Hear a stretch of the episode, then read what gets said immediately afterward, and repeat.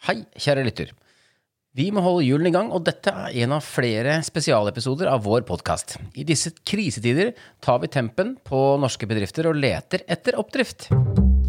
For en stund siden så ble jeg kjent med et merkelig univers av en slakteforretning som på en uvanlig direkte og ærlig måte selger sine kjøttprodukter ved hjelp av e-post og betalingstjenesten VIPS. Det var noe veldig sånn, annerledes og spennende med, med dette her. Var det tull, eller var det ekte, liksom? Ja, jeg måtte bare prøve varene.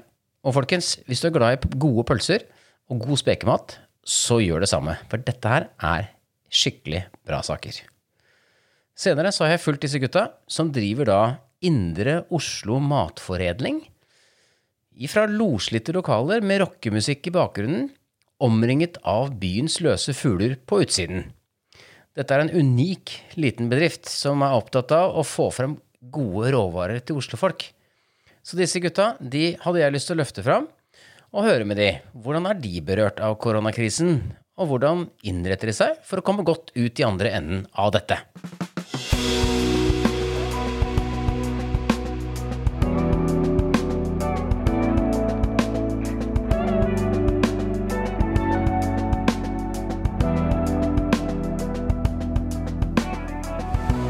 Oppdrift er sponset av merkevarebyrået Minnesota. Velkommen til eh, Timon og Magnus fra Indre Oslo Matforedling. Hei. Tusen takk. Takk. Takk, takk. Hei, hei. Nå har vi Fin, fin intro. fin intro. Jo, takk for det. Du, vi har eh, vi, Dere er på hjemmekontor. Alle er på hjemmekontor. Eh, Så det er, vi, vi burde ha en sånn måte hvor vi rekker opp hånda når vi skal si noe, så vi ikke snakker i munnen på hverandre. Men uh, vi skal nok få til det også. Du, kan ikke dere fortelle kort om dere? Hvem er dere, og hvor kommer dere fra? Jeg heter Magnus, da. Jeg er blitt 43. Uh, egentlig utdannet samfunnsøkonom, studert i England og jobbet litt med diverse uh, greier relatert til det. Eh, men har da etter hvert eh, havnet nede i denne kjelleren i Storgata hvor vi lager pølser og spekemat. da. Ja. Til eh, samme som deg. Mm. Det var noe om Ja. eh, øst og vest her. Hvem er det som sitter i øst, og hvem er det som sitter i vest? Jeg sitter faktisk nede i kjelleren i Storgata nå, ja, så jeg sitter veldig mye, egentlig. Ja, Ja. Eh, men Timon bor vel oppe i Tøyenkollåsen. Ja. Mm. Og Timon? Beste, beste øst. Eh, jeg blir 47 i morgen. Oh. Um, har, har også en utdanning som ikke er relatert til kjøttfaget. Studert uh, design og typografi i London for ganske mange år siden. Og jobbet i Storbritannia og USA i nærmere 17 år. Ja. Og når jeg da satt nesa hjemover, så er man usikker på hvordan, man, hvordan skal man starte på nytt igjen. Så da, av noen rare årsaker, begynte med en sånn pølseklubb, for jeg fikk ikke tak i det jeg likte, noe av råvarene som man har blitt så godt vant med. Og eh, så traff jeg Magnus, og så slo vi oss sammen. Så ble det en pølseklubb som utvidet seg til å lage mer spekemat og annet kjøttpålegg.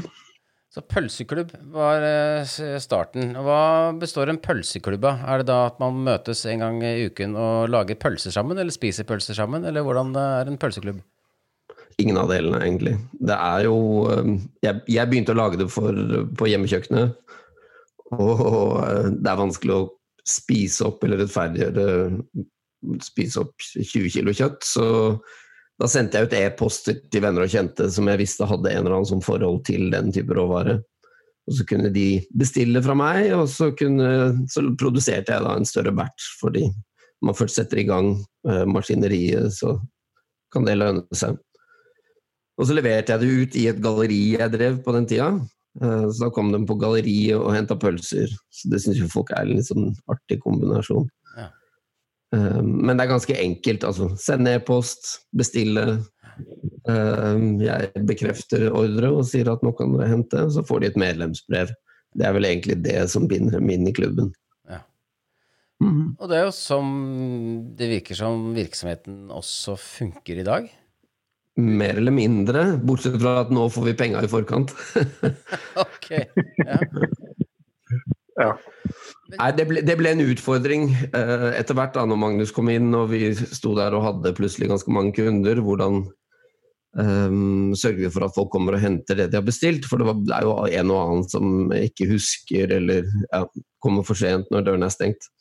Så eh, jeg tror vi brukte et godt år på å prøve å tenke ut et eller annet, og så satte vi oss ned en formiddag og i løpet av tre timer så hadde vi funnet en nettløsning som løste problemet. ja. Mcash Mcash, ja, som Ja. ikke lenger fins, tror jeg. Nei, det var veldig synd, for det syns jeg fungerte mye bedre enn Vips. Ja.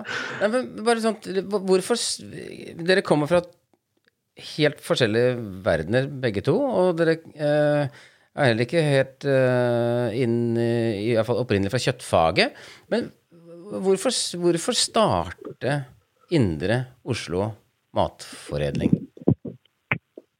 Ja, eh, det, det var vel eh, Timon har fortalt litt om pølseklubben. Og jeg hadde vel en litt sånn tilsvarende greie med spekemat hos meg da oppe på loftet i bygården der hvor jeg bor.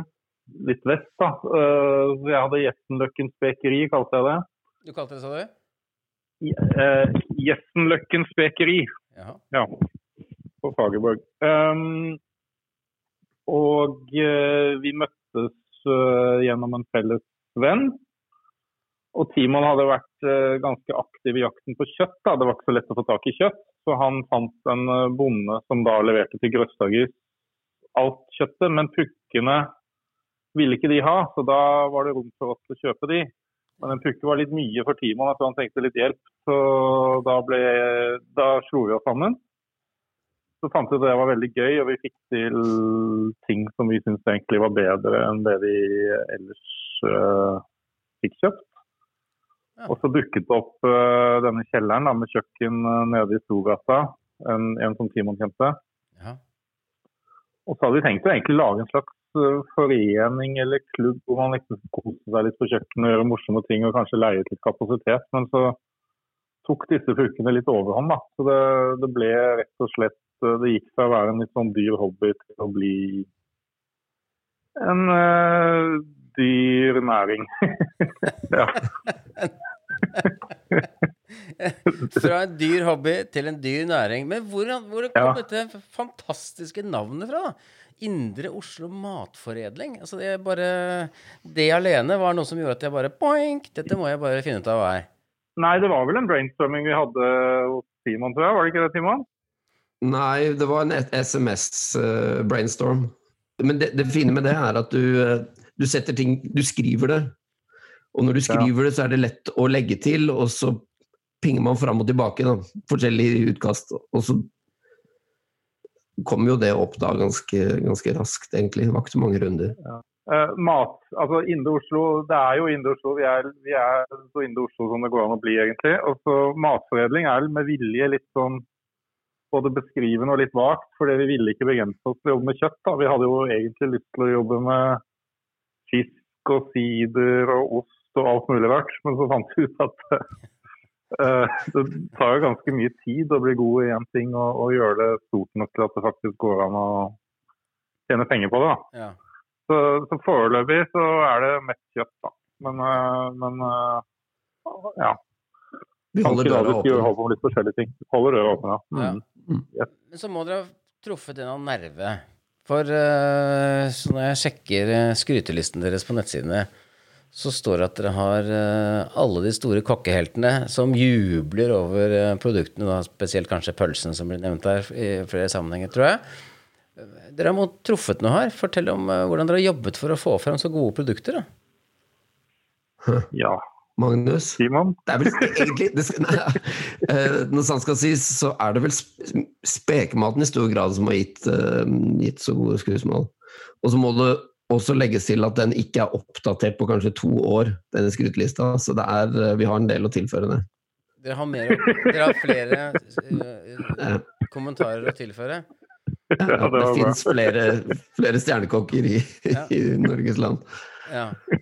Men, Ja. men la oss begynne med spekeproduktene. da. Hva, hva, hvor, hvor, hvordan har du, hvorfor er du så god på det, eller dere så gode på det? Jeg føler egentlig ikke at, at vi gjør så veldig mye. da. Vi tar bra kjøtt og salter det forsiktig og gir det lang tid og henger og passer på. og Da blir det liksom bra av seg selv. altså. En nøkkelingrediens som vi kanskje ikke nevnte i stad, som er purker. Ja. Um, Magnus nevnte det så vidt, men dette er jo da store Ja. dyr som blir tatt ut av, eh, av tjeneste. Mm. Og de er såpass store at systemet ikke helt klarer å håndtere dem. Og bøndene får også dårligere betalt. Og vi oppdaget da ved en tilfeldighet at det kjøttet er fantastisk til spekkmat, Mm. og så vel som pølser. Um, men du får store muskler som kan henge mye, mye lengre. Akkurat. Og du får en modning da som um, med da det lavere saltinnholdet utvikler en helt annen smak enn det folk er vant med. Og så er det også dyr som er ut, de lever ute hele livet og de løper rundt og er aktive. Så du får veldig god smak i råvaren. Og så er vi veldig forsiktige med saltmengdene, bruker lite salt. Og lengre tid, da. Bruker lengre tid på alle prosessene. Så så- det er nok noe med det. det, det altså En grunn til at vi kanskje har fått til eh, en del bra varer, er jo rett og slett at vi har tenkt veldig lite bedriftsøkonomisk i hele denne prosessen. Okay. Den prioriteringen har Prioriteringen har liksom ikke vært å tjene penger til å begynne med. Det har vært å lage noe som er bra, og får heller det komme litt av seg selv. Det har de ikke helt gjort ennå, men det gjør nok kanskje det en gang. Mm. Det handler om eh, råvaren, altså purke, som er ferdig i produksjon. Og så handler det om lett salting, og så handler det om tid. Ja, på spekematen vil jeg si det.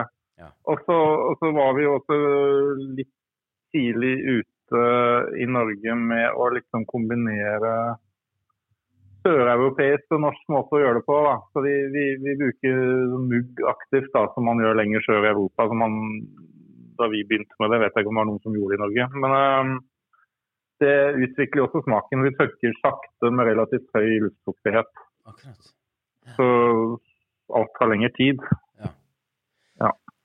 Og når det kommer til pølsen, for det var egentlig min første, mitt første møte med deres produkter, var pølse. Og jeg fikk jo helt sjokk da jeg kom hjem eh, og gledet meg som en, eh, som en liten unge. Skulle lage og steke pølse. Jeg gjorde som beskrevet. Bruk lang tid på litt sånn lav, middels eh, varme. Eh, og når den har stått og så uh, surra seg litt, så var det jo et fettbad uten like i uh, min eh, da stekepanne. Så litt sånn sjokk, men jeg er jo absolutt ikke redd for fett. eh, og vet at der ligger eh, ofte eh, smaken. Så var jeg da litt redd for Oi, forsvant den smaken i, i pølsa? Eller gjorde den ikke? Men det gjorde den altså ikke.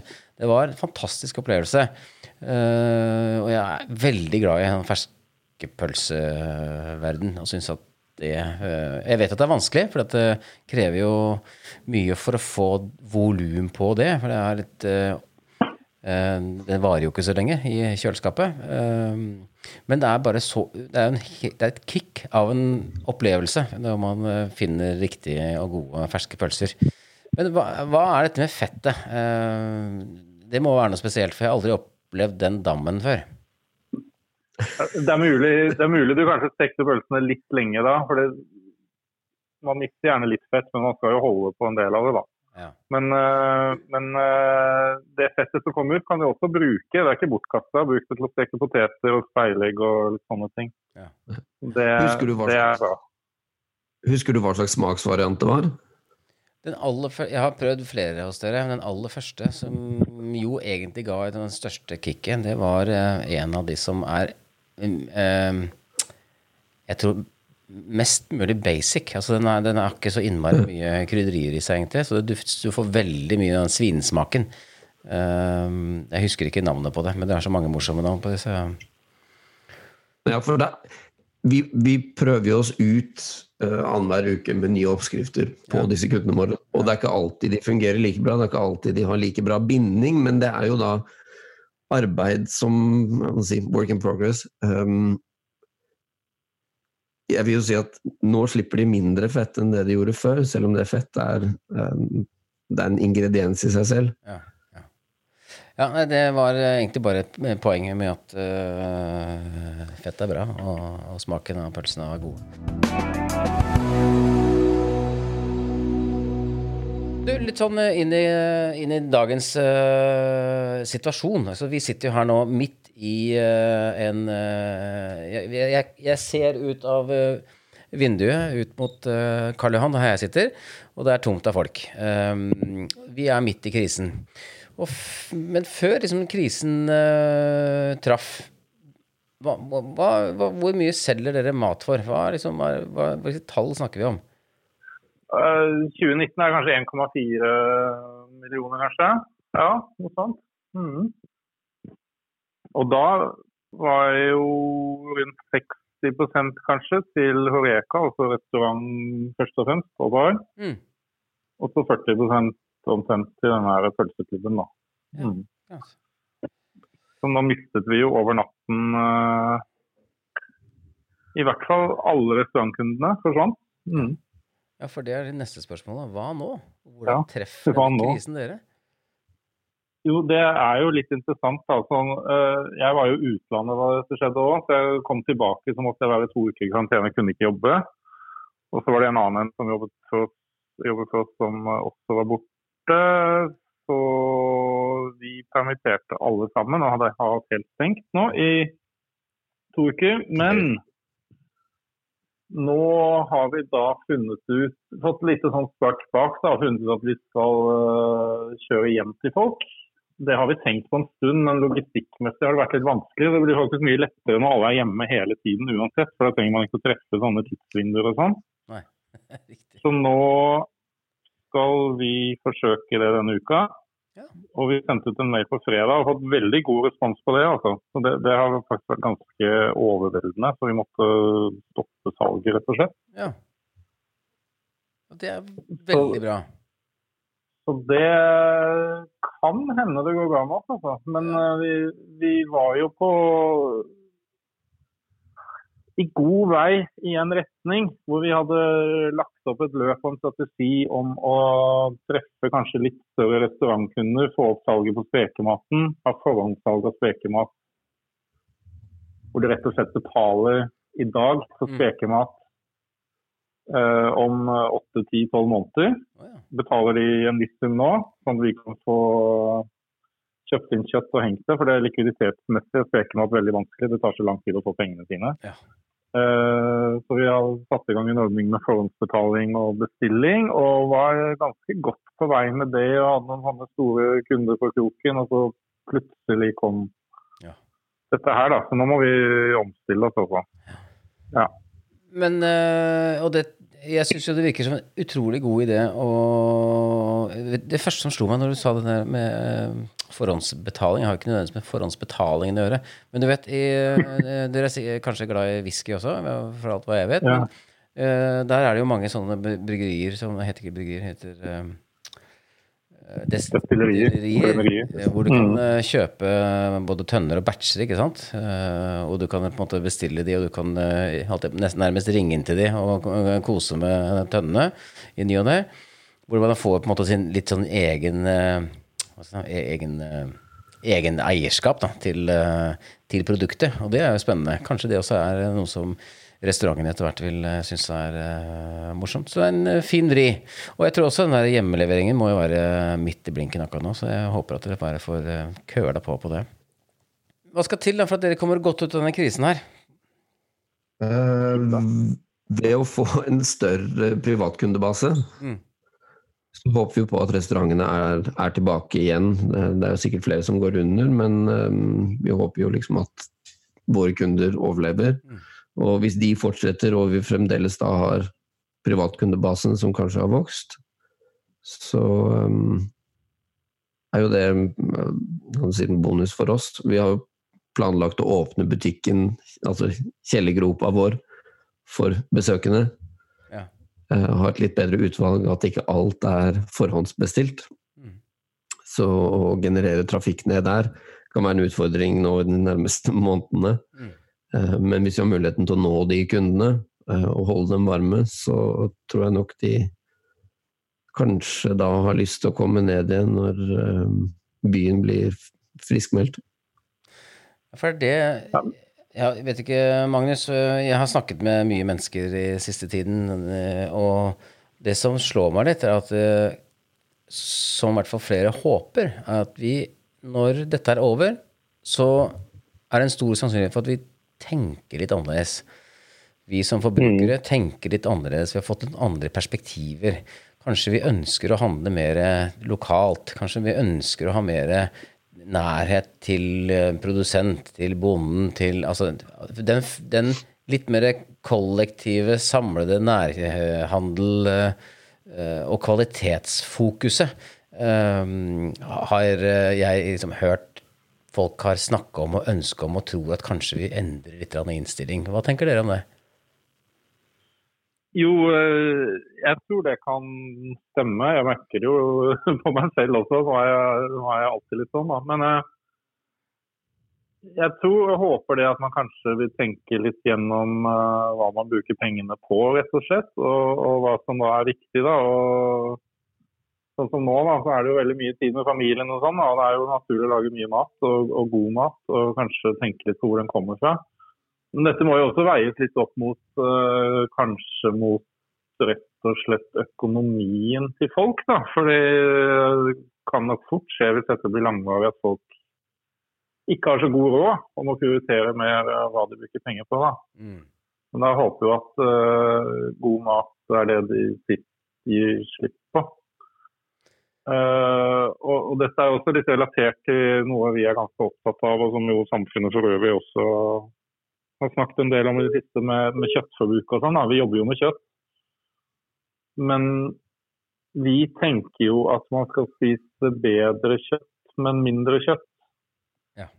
Så, så, man trenger liksom ikke å sette seg ned og spise tre pølser med potetstappe. Man kan ta og klemme ut kjøttet av en pølse og steke det og blande med noe pasta eller noen grønnsaker eller noen bønner eller sånne ting. Altså man, øh, syns ikke ting trenger å være så enten-eller. Så, så, jeg mener at vi passer bra inn i et sånn nyansert fremtidsbilde hvor både bærekraft og verdier og miljø og dyrevelferd og sånn uh, balanseres på, og ikke minst smak, balanseres på en bra måte. da.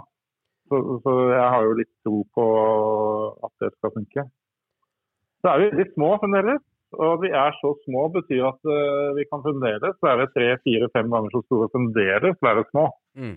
Vi, vi, har ikke noen vekstambisjoner, bli en stor kjempebedrift og miste identiteten vår. Det er ganske viktig for oss at det betyr noe for oss, det vi holder på med. Økonomi betyr jo mye, men uh, det skal jo være givende å holde på med dette her lenger enn ja, ti år til. Ja. Men kan dere si noe om eh, den altså, hva, hva, Hvor stort må dette være for at det kan være en god inntektskilde for dere? Uh, kroner og øre? Ja, Må dere doble omsetningen, eller holder dere der dere er nå? Eller var dere i 1819, eller hvordan er det? Hadde vært fint å doble. Det kunne godt vokse litt mer enn det òg. Men um, det spørs jo hvor mange man skal ansette og hvor mange dager man skal ha produksjon. Og det er begrenset kapasitet på kjøkkenet vårt. Mm. Uh, står du mer enn tre personer og jobber der, så begynner det å bli trangt. Mm. Så det setter jo en naturlig begrensning. Men uh, vi, vi, har jo bestemt oss uh, for at vi skal leve opp til navnet vårt, og det er Inde Oslo Matforedling. Så vi, vi, vi vil gjerne holde oss her vi er og, og, det er en viktig del av identiteten vår. Men det er nok rom for å vokse to-tre og en halv ganger, mm. egentlig. Med litt effektivisering og gode systemer, mm. så skal det gå an. Mm. mm. Og da, da, da, klarer vi oss. Ja. Uten å nødvendigvis bli så veldig rike på det, men det er jo heller ikke motivasjonen. Da hadde jeg jobbet i City. Mm. Ja.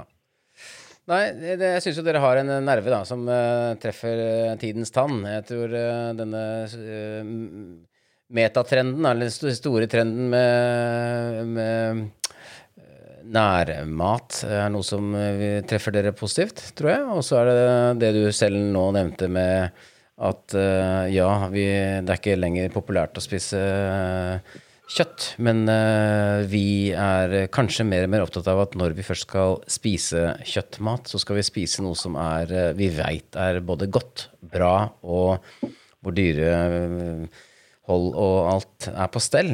Så, så det, er jo, jeg kjenner jo at den type trend er noe som kan potensielt også treffe dere, da, og bidra til at, eh, at uh, klarer å komme dere gjennom denne tida vi er i nå. At, uh, at det blir eh, håp for vekst. For det er virkelig noe vi håper. Jeg håper at dere overlever.